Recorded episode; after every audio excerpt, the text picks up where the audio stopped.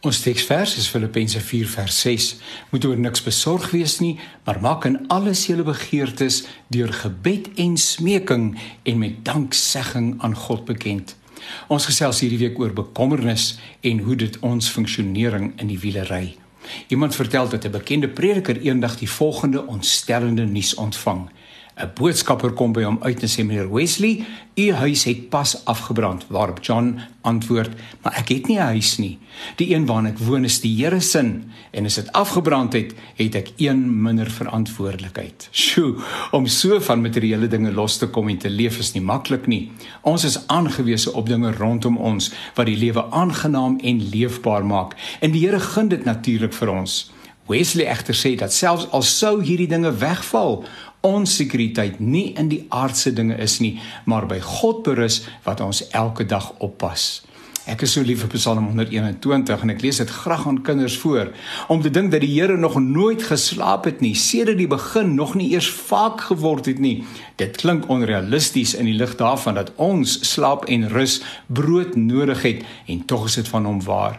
Die teks gedeel maan ons om ons nie te bekommer nie. Kos en klere en huisvesting word as voorbeelde genoem.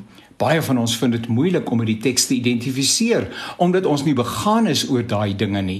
In Suid-Afrika egter gaan slaap na raming 14 miljoen mense saans sonder dat hulle geëet het.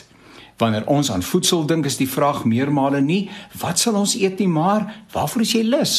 Wanneer ons aan klere dink, is die vraag nie wat sal ons aantrek nie, maar wat pas by wat vir watter geleentheid? Die wyse waarop die meerderheid Suid-Afrikaners woon, informele strukture en gebrekkige infrastruktuur is ver verwyderd van ons leefwêreld. Weereens is die bedoeling nie om ons skuldig te laat voel nie. Dankbaar ja, maar nie skuldig nie, tensy ons ander benadeel het of benadeel ten einde self royaal te lewe. Dit mag egter nie van Christene waar wees nie. Die bedoeling van die teks is om ons 'n aanvoeling te gee vir die leefwêreld van so baie mense om ons daartoe te bring om op een of ander wyse iets te doen ten einde hulle stryd makliker te maak. Dit hoef nie 'n verbeeldingryke projek te wees nie, maar kan begin met 'n kruidenierspakkie aan 'n sorgbehoevende gesin. Indien dit totaal onmoontlik is om iemand anders fisies te bemagtig, is die offergawe by die plaaslike gemeente 'n betekenisvolle bydrae.